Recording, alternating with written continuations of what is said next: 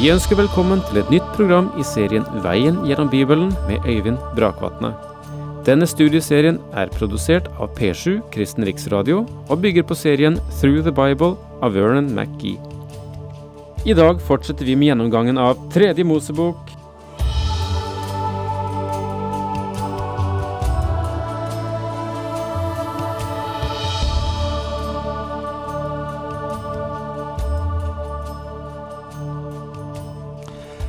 Ja, vi eh, er nå på vei inn i det femte kapitlet i Tredje Mosebok. Syns du det er tungt stoff? Ja, det er kanskje det. Det er ikke det letteste som finnes i Skriften, men det er en veldig interessant bok. Og jeg synes at uh, jeg vil appellere til dere om å forsøke å henge med gjennom hele denne boken, selv om du synes at det er en del du ikke klarer å få tak i. Få tak i det du kan. For kommer du gjennom denne boken, tror jeg at du vil gå rikere din vei videre, og få et enda større perspektiv for hva Kristus både vil gjøre, har gjort for deg, og hva han vil gjøre i deg og gjennom deg. Jeg tror at uh, det finnes mye stoff i den tredje Mosebok som vil hjelpe oss til denne fordypede forståelse av Kristi gjerning. Vi er akkurat nå inne i eh, sekvensen kapittel fire og fem, der kapittel fire nå er tilbakelagt, og der vi talte om syndofferet. Det er det som dette kapittelet eh, omhandler.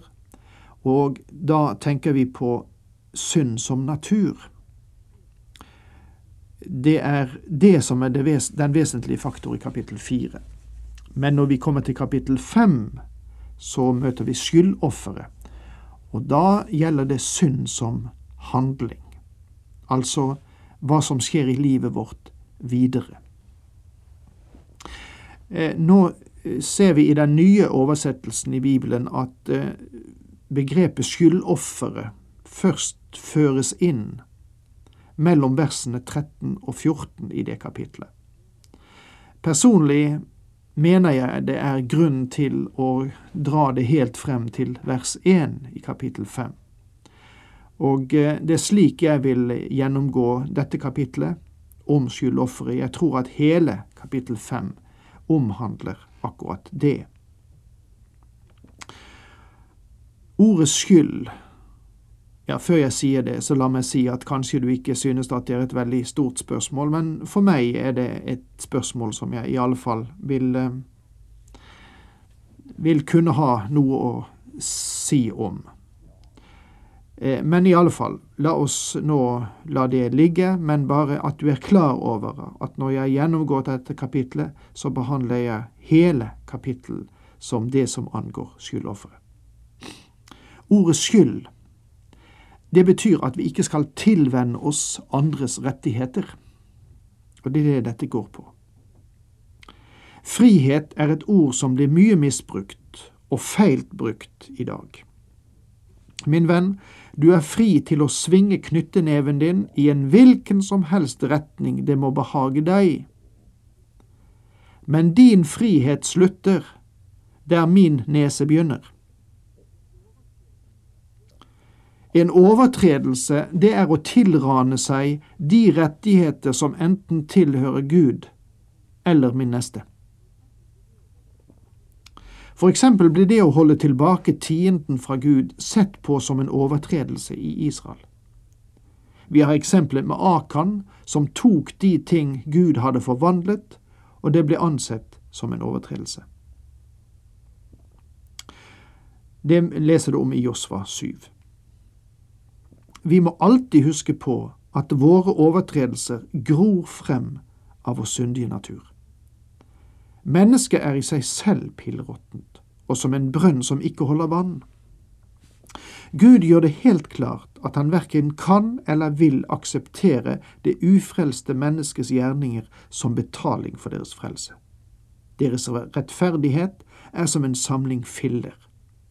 Han frelser ikke gjennom rettferdige gjerninger, men han frelser oss ved sin nåde. Vi kan ikke av oss selv tekkes Gud, for vår onde natur bøyer seg ikke for Guds lov, ja, kan ikke gjøre det. Det er et sterkt uttrykk. Det står i håper å si, frihetskapitlet i Romerne 8, men det er det syvende vers. Vil du høre det igjen? For vår onde natur bøyer seg ikke for Guds lov. Ja, kan ikke gjøre det.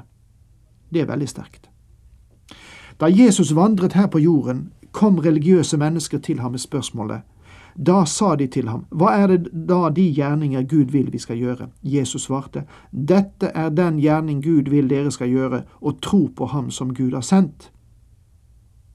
Og apostlene hadde det samme svaret, tro på den Herre Jesus Kristus, så skal du bli frelst. Apostelgjerningene 16, vers 31. La oss nå se på oversikten over dette kapitlet. Det dreier seg altså om skyldofferet, og det dekker altså synd som handling, og det er hele kapittel fem. Første del gjelder spesielle syndige handlinger gjort i vannvare, de første 13 versene. Fra vers 14 til 19 har vi ikke spesifiserte handlinger som synd gjort i vannvare. Og så kommer den tredje og den siste sekvens, spesielle syndige handlinger gjort bevisst, og det er versene 20 eller 20 til 26. Når det gjelder loven om skyldoffer, så møter vi den i kapittel 7, de første ti versene. Listen over synder som er nevnt her, er åpenbart ikke en uttømmende liste, men gir oss eksempler på et ubegrenset antall man kunne sette navn på. Dette er enkeltsynder som ikke omfatter hele menigheten. Det meste av dette skriftavsnittet oppholder seg med botemiddelet og ikke sykdommen. Derfor er vekten lagt på offertypen og ikke på den ofrendes karakter, slik som syndofferet viste. Og så leser vi det første vers i kapittel fem.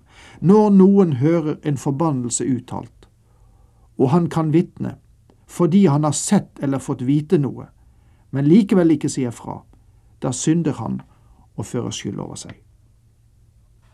La meg gjenta at de fire navngitte syndene som nevnes her, bare er eksempler. Jeg tror at vi kunne fylle opp resten av tredje Mosebok med navngitte synder om vi tok for oss hele rekken. Jeg hørte en gang om en predikant som hadde notert seg en liste på 800 synder som han kunne tenke på, og han ble oversvømmet med brev fra mennesker som ønsket tilsendt denne syndekatalogen. Kanskje de trodde det var noen de manglet, siden de ikke selv klarte å notere 800 spesifikke synder. Vel, her nevnes noen få eksempler, for oss i alle fall. Når noen hører en forbannelse uttalt, er bedre og riktigere oversatt i den gamle Bibelen, der det står når noen synder. Idet han hører oppropet til en og kunne vitne om noe som han enten har sett eller blitt vitende om, men allikevel ikke gir opplysning derom. Altså, det har å gjøre med å høre en ed og å være et vitne.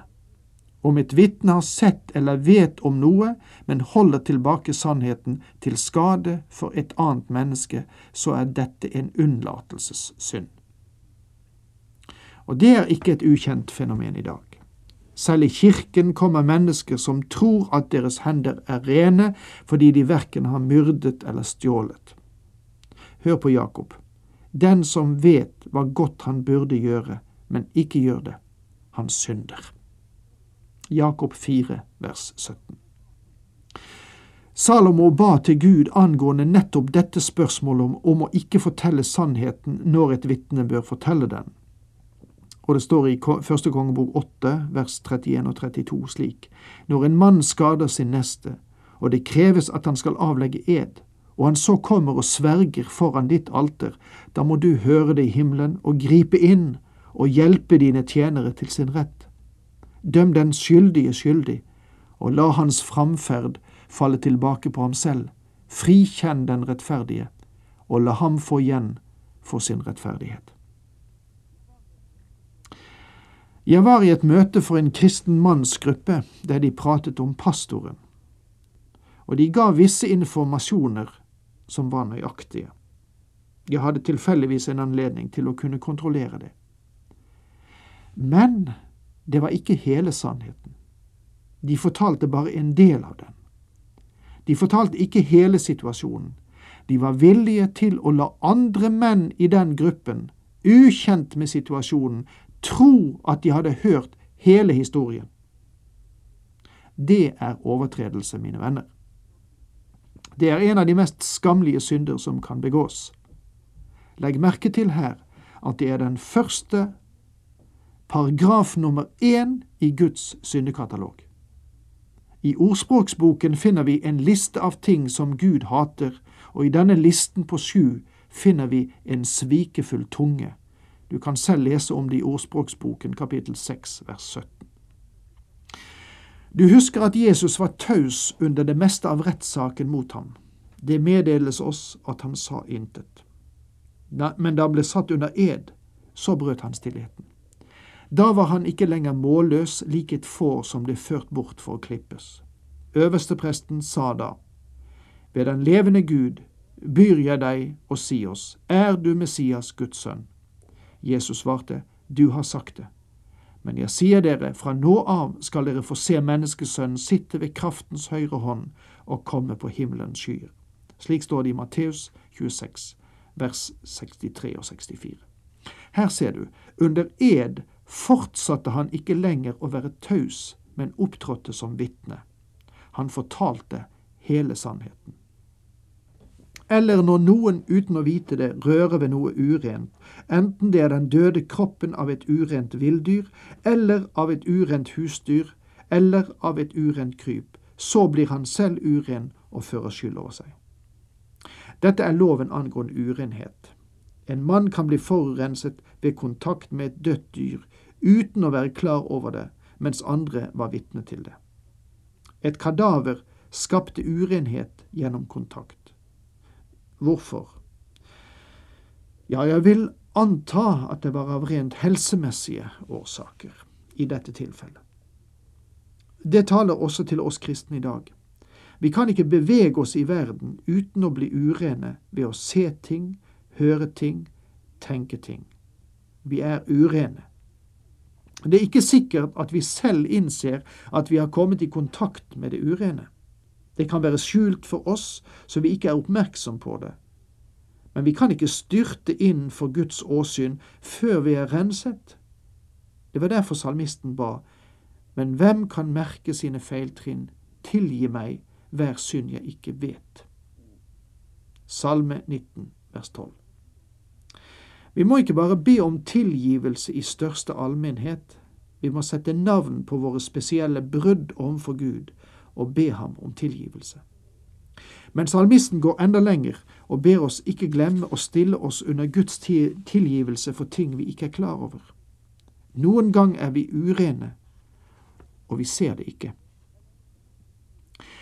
Eller når noen uten å vite det rører ved noe urent hos mennesker, og det er urenhet som kan overføres, og han siden blir klar over dette, da har han ført skyld over seg. Dette ligner på forholdet angående urene dyr, men Gud trekker en linje mellom mennesker og dyr. Straffen for dette er mer enn alvorlig enn for å røre dyret. Åpenbart var det andre sider av spørsmålet om urenhet som heftet ved mennesket utover kontakt med den døde eller når noen uten å sanse det sverger tankeløst at han vil gjøre et eller annet, ondt eller godt, hva det så kan være et menneske i tankeløshet sverger på, og han siden blir klar over det, da har han ført skyld over seg på den ene eller den andre måten. Likegyldig tale er involvert her. Og det er en sak som ikke er uvesentlig. Nå er tiden ute, og vi får ikke gripe inn i det akkurat nå, men tenk på det. Tenk på din egen tale. Så sier jeg takk for i dag, og Herren med deg.